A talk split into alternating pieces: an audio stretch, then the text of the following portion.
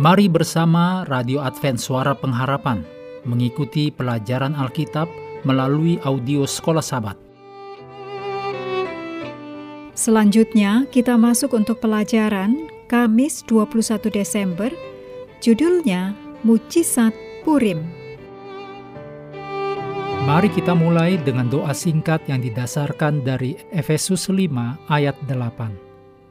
Sekarang kamu adalah terang di dalam Tuhan.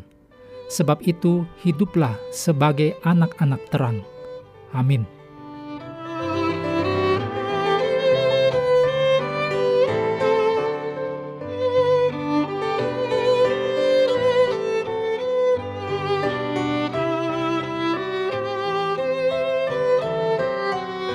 Selama ribuan tahun, para komentator Alkitab telah melihat bahwa nama Allah tidak muncul dalam kitab Esther.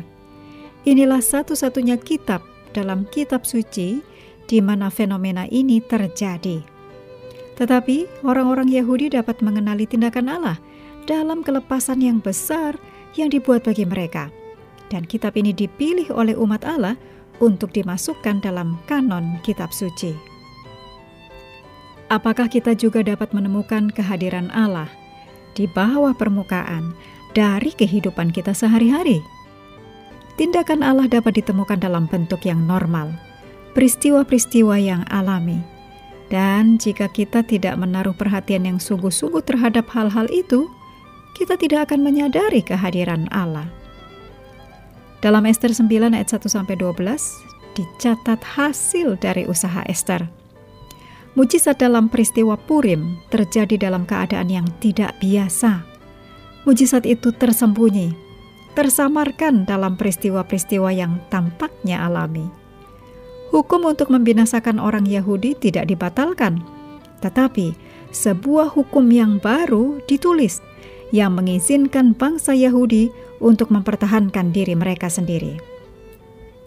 Perhatikan juga apa yang terjadi dan bagaimana Allah sanggup bekerja melalui peristiwa-peristiwa ini. Orang-orang Persia menyadari perbuatan-perbuatan Allah untuk kepentingan bangsa Yahudi.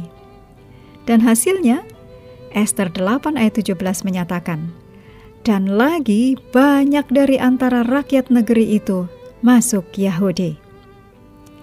Ini adalah sebuah contoh yang luar biasa tentang bagaimana Allah bekerja untuk membawa jiwa-jiwa yang hilang kepada satu pengetahuan akan diri Allah.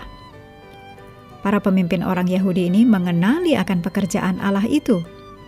Ketika orang-orang Yahudi menang dalam mempertahankan diri mereka sendiri, mereka mendeklarasikan sebuah waktu tahunan yang disebut Purim untuk mengingat dan merayakan kemenangan mereka.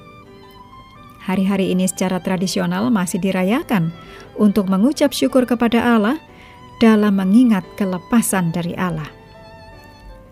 Tantangan, berdoalah supaya Allah akan memberikan kepada Anda keberanian untuk membagikan sesuatu yang telah Allah lakukan bagi diri Anda kepada orang-orang yang ada dalam daftar Anda pekan ini. Selanjutnya tantangan lebih besar, mulailah membuat sebuah catatan harian tentang hal-hal kecil yang spesial ataupun hal yang besar yang Allah selalu lakukan untuk diri Anda. Lihatlah catatan itu kembali dan berdoa supaya Allah menaruh hal-hal tersebut dalam pikiran Anda dan pada saat yang tepat Anda bisa membagikan itu kepada orang lain. Mengakhiri pelajaran hari ini, Mari kembali ke ayat hafalan dalam Yesaya 49 ayat 6.